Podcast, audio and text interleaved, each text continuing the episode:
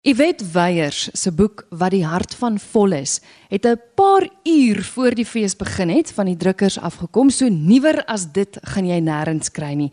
Yvette, baie welkom. Dit is baie lekker om jou hier te hê. Baie dankie Christel en is lekker om hier te wees. Dis 'n besonderse boek. Soos ek verstaan, was jy baie nou betrokke geweest by die uitleg van die boek, is ek reg?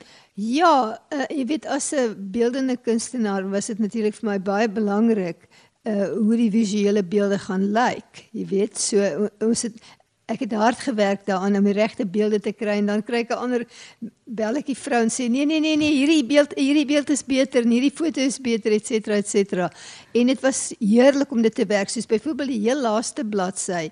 Ehm um, ek het my laaste hoofstuk is fluit fluit my storie is uit en ek het 'n foto van 'n suidooster omdat hy fluit wat ek gemaak het 'n karakter wat 'n suidooster is, het ek gehad aan die begin van fluit fluit my stories uit en dan op die laaste bladsy weer, maar dan wou ek die hele agtergrond 'n kosmiese gevoel gee.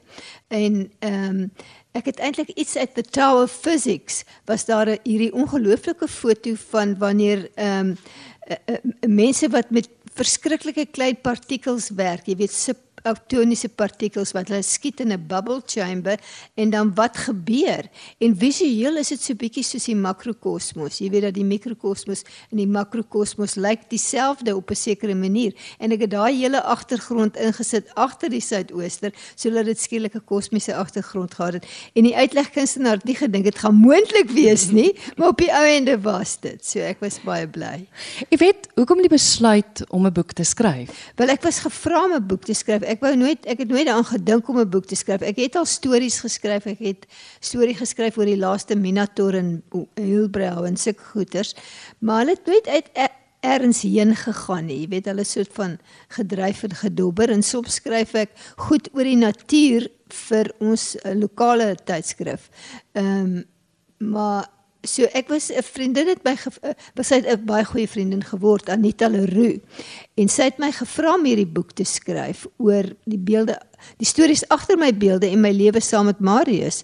En in die begin het ek gedink nee o nee dis te privaat ek gaan niks daaroor sê nie. Maar Anita het so goeie vriendin geword en ek het vir haar elke keer as ek iets geskryf het dan stuur ek dit deur vir haar. En sy was wonderlike in haar ontvangs daarvan. Sy was vroeër ehm um, sy is in die sy is in die filmbedryf 'n uh, vervaardiger en sy het nou 'n wonderlike teks geskryf.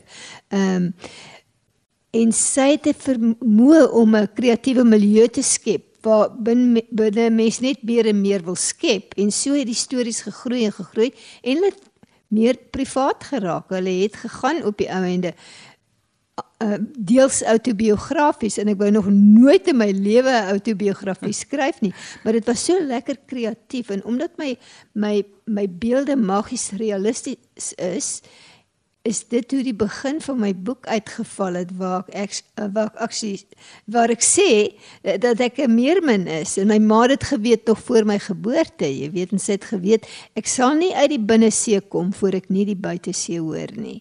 Jy weet so daai hele ding het net gebeur. Ek het dit nie gesoek nie. Ek sien aan die binneblad ook staan daar dat dit is nie heeltemal seker in watter genre die boek val nie, want dit het 'n dagboek effek en dis autobiografies, maar watter genre sou jy sê val die boek of of is dit nie 'n spesifieke genre nie? Ek het nie eers geweet hoeveel genres is daar nie. So dit was nie deel van my verwysingsraamwerk om te dink in terme van genre genres nie. Ek sou sê dis 'n bondboek, jy weet, want dit het dele van van wat 'n kontinuïteit is in die boek is eintlik my dagnotas en nagnotas wat uh, wat gaan oor die lewe op Rooi Els, jy weet, en wat daar gebeur. Maar die ander goed het uitgekom soos hulle uitgekom het. Jy weet, dis nie kronologies nie. En ehm um, maar dit gaan ook oor my betrokkeheid by die kunste. Jy weet, van kleins af was dit iets wat my diep geraak het. Die natuur en die en die kunste was my twee groot passies. Is my twee groot passies in die lewe. En ek sou sê, jy is 'n bond genre. Dit is so mm, ek kan dit nie ek kan dit nie uh, noem nie. Ek kan nie eintlik noem wat se genre dit is nie. Jy skryf geweldig beeldend. met met heelwat metafore. En dis ook 'n eienskap van van jou beeldhouwerk. En ek kom agter dat jy 'n ongelooflike passie het vir die woord. Dis vir jou net so belangrik. Vertel vir my van jou verhouding met met die woord en en jou beeldhouwerk. Wel ek onthou toe ek 'n kind was en my ma so lief was om Aggie Visser gedigte jy weet op te sê o kom na my tuin waar die donkerrooi rose. Het ek besef as jy woorde so inryg dan skep dit nogal 'n effek 'n impak. Dit het 'n impak jy weet. Sodat dit in my verwysingsraamwerk deel geword van iets wat kosbaar is jy weet. En ek was baie lief vir stories vertel het altyd my neefs stories vertel as 'n kind. Ehm um, en ek sou sê ek het nooit gedink ek sal goed genoeg wees om 'n skrywer te wees want ek is te chaoties. Maar ek is verskriklik lief lief vir uh, mooi gedigte, jy weet, en die feit dat binne twee lyne kan 'n digter 'n hele emosionele landskap skep, jy weet, dit het my nog altyd gefassineer. En in my in my beelde was die naam van 'n beeld verskriklik belangrik en hoe die woorde ingespan was, jy weet, optel engel of ehm um, die klank van 'n stukkende gedig of wat ook al.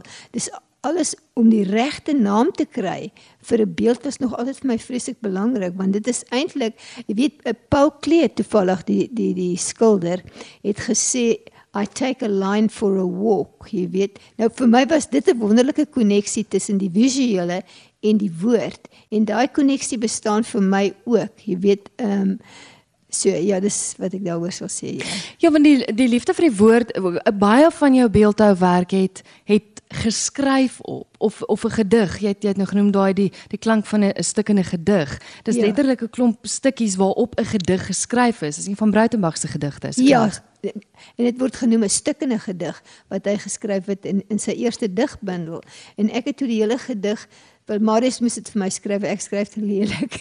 En toe het ek dit gebreek en ek het dit ehm um, as 'n roerbeeld aan mekaar gesit sodat die stukkies van die regte stuk in 'n gedig wat 'n stuk in 'n gedig is, aan mekaar klank en stamp en die klank van 'n stuk in 'n gedig gee. Jy weet so mense spring na 'n ander dimensie, jy spring na 'n klankdimensie toe. En dit dit fascineer my. Jy weet ek die ironie is ek het Wiskunde was een van my hoofvakke, maar wat ek was mal oor wiskunde, oor die fantasie in wiskunde.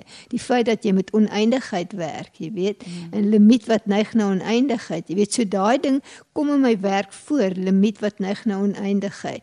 En en ehm um, En so daar's 'n sekere mate van woorde wat vir my magies is wat ek weer en weer gebruik. Ek's verskriklik lief vir metafore en dat iets met my gebeur toe ek 11 jaar oud was wat my heeltemal in die metaforiese wêreld ingestoot toe ek in 'n vriendin uh, op 'n ouma en oupa se plaas geloop het en afgekom het op hierdie ongelooflike boord 2 uh, uur se stap van die huis af weg wat vir dekades was hierdie boord nooit gesnoei nie. So al die bome het bo toe gegroei soos 'n oerwoud en dit was donker en jy het geloop op hierdie trampolien van blare en al hierdie enorme waterpere was ryp en dit so swaar in die takke gehang en ons loop as kinders hier deur in in verwondering dat ons per ongeluk in die paradys weer beland het. En toe waai daar 'n ligte wind deur die boord en hierdie oorrypere val en hulle spat oop en hierdie soet sap sink so terug in die aarde.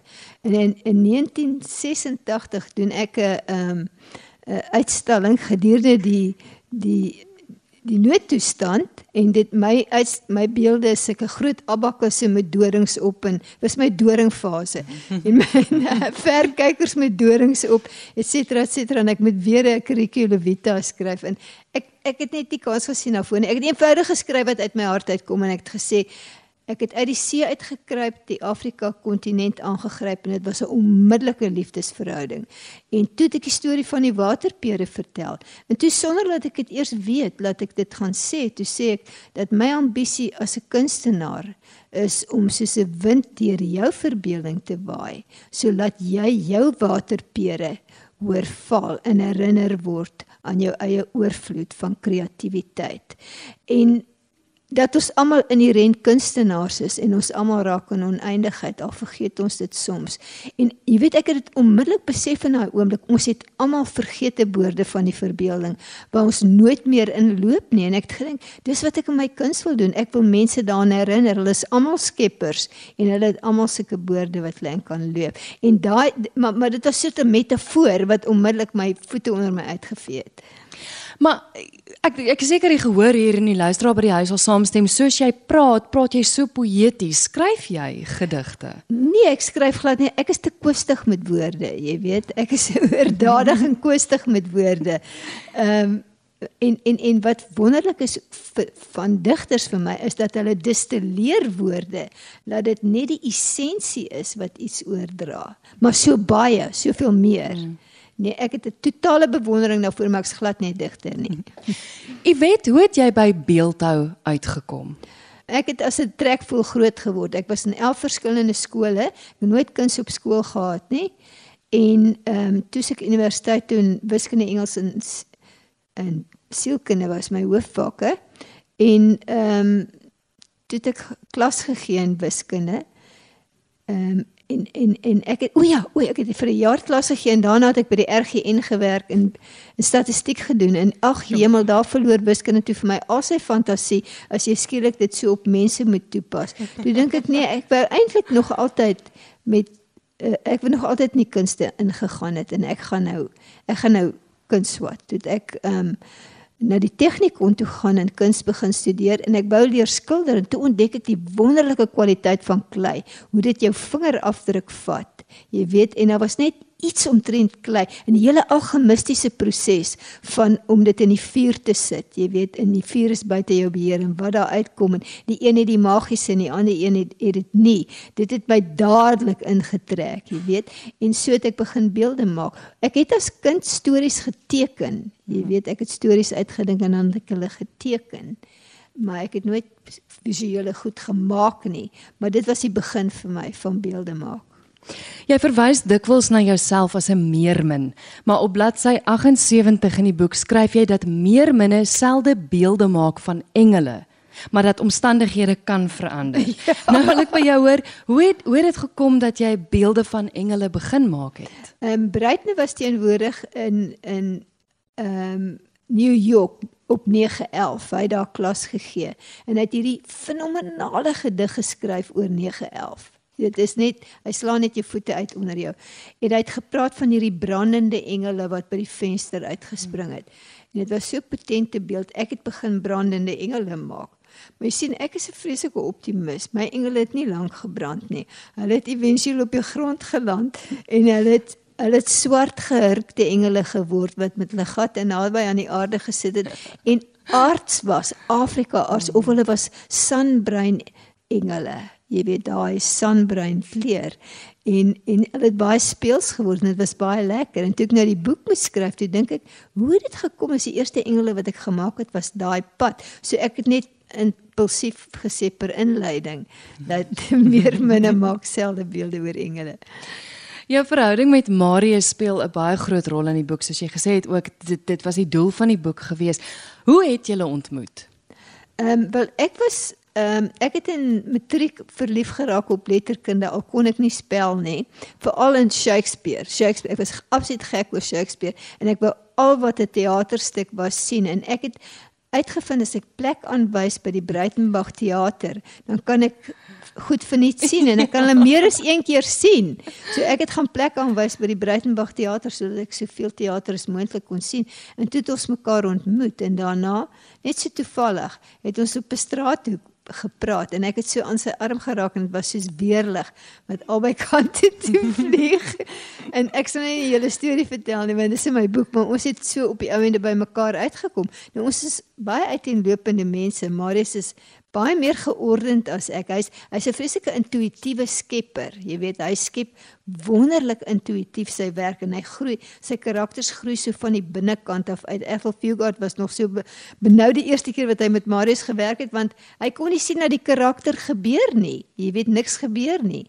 En toe skielik kom die karakter deur die vel en dit is hoe Marius groei so heeltemal intuïtief van binne af in die ding. En en hy's glad nie dis nie 'n analitiese aanhang nie. En en ehm um, waar is ek is baie chaoties, maar op 'n manier het ons net 'n wonderlike verhouding saam. Jy weet, ons het allerlei avonture en op 'n manier werk dit dat ons so verskillend is. Jy weet alhoewel ons soms regtig beklei daaroor, is dit was net 'n baie fenominale verhouding en, en ons het regtig 'n diep liefde vir mekaar en 'n respek vir mekaar mm. en 'n wonderlike gesamentlike sin vir humor, jy weet. En en da, met daarmee kan jy oor enige oor enige uh, berg klim. Ek gesels met Iwet Weyers en ons gesels oor haar boek wat die hart van vol is. Iwet, jy verwys in die boek ook en jy vertel van julle oorseese reise wat jy en Marius gehad het en jy vertel ook van julle troue. Jy noem dat julle gereeld as ek reg onthou as julle saam oefen 'n Spaanse gedig opsê. Ja, wel wel ons het ons het in Spanje op die einde uh, besluit om te trou ja. en dit was toe half onmoontlik in Spanje en eventueel het ons in Londen getrou. Ehm um, maar ons het Marius Muskastig die Spaans leer voor ons nou in Spanje op toe wat ons gereis het.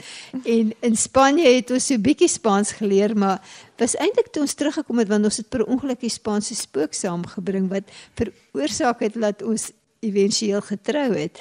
En ek dink die Spaanse spook het by ons hierdie effek gehad dat ons wou toe Spaans leer. En ons het sommer as ons ons eie ehm um, oefeninge saam doen, dan leer ons Spaans en gesels met mekaar in Spaans. En ons het ook Pablo Neruda gedigte begin en wat heerlik was want Marius het vir my gesê toe ek vir hom gesê het kom ons leer Spaanse gedigte het hy gedink dit sal iets eenvoudig wees soos twinkle twinkle little star. Dis ek van weet jy wat? Ons ken al die woorde vir twinkle twinkle little star. Kom ons vertaal dit nou in Spaans jy weet wat ons toe gedoen het. En maar maar wat toe lekker was ons het die gedigte veral as ons 'n uh, ehm um, dorp toe ry het ons dit saam in die kar opgesê of ehm um, Frida Kahlo se liedjies gesing want ons is albei nie toonvas nie en ons het heerlik vals saam gesing aan die Frida Kahlo liedjies in Spaans. En wat lekker is want dit jou jou uitspraak word baie beter. En Spaans is so ongelooflik melodramaties ons het besef meeste van die Engelse vertalings van Spaans is vreeslik afgewater. Jy ek het Almodovar se se films baie beter verstaan jy weet omdat Almodovar so heeltemal groot speel en melodramaties. Dis hoe die Spanjaarde is.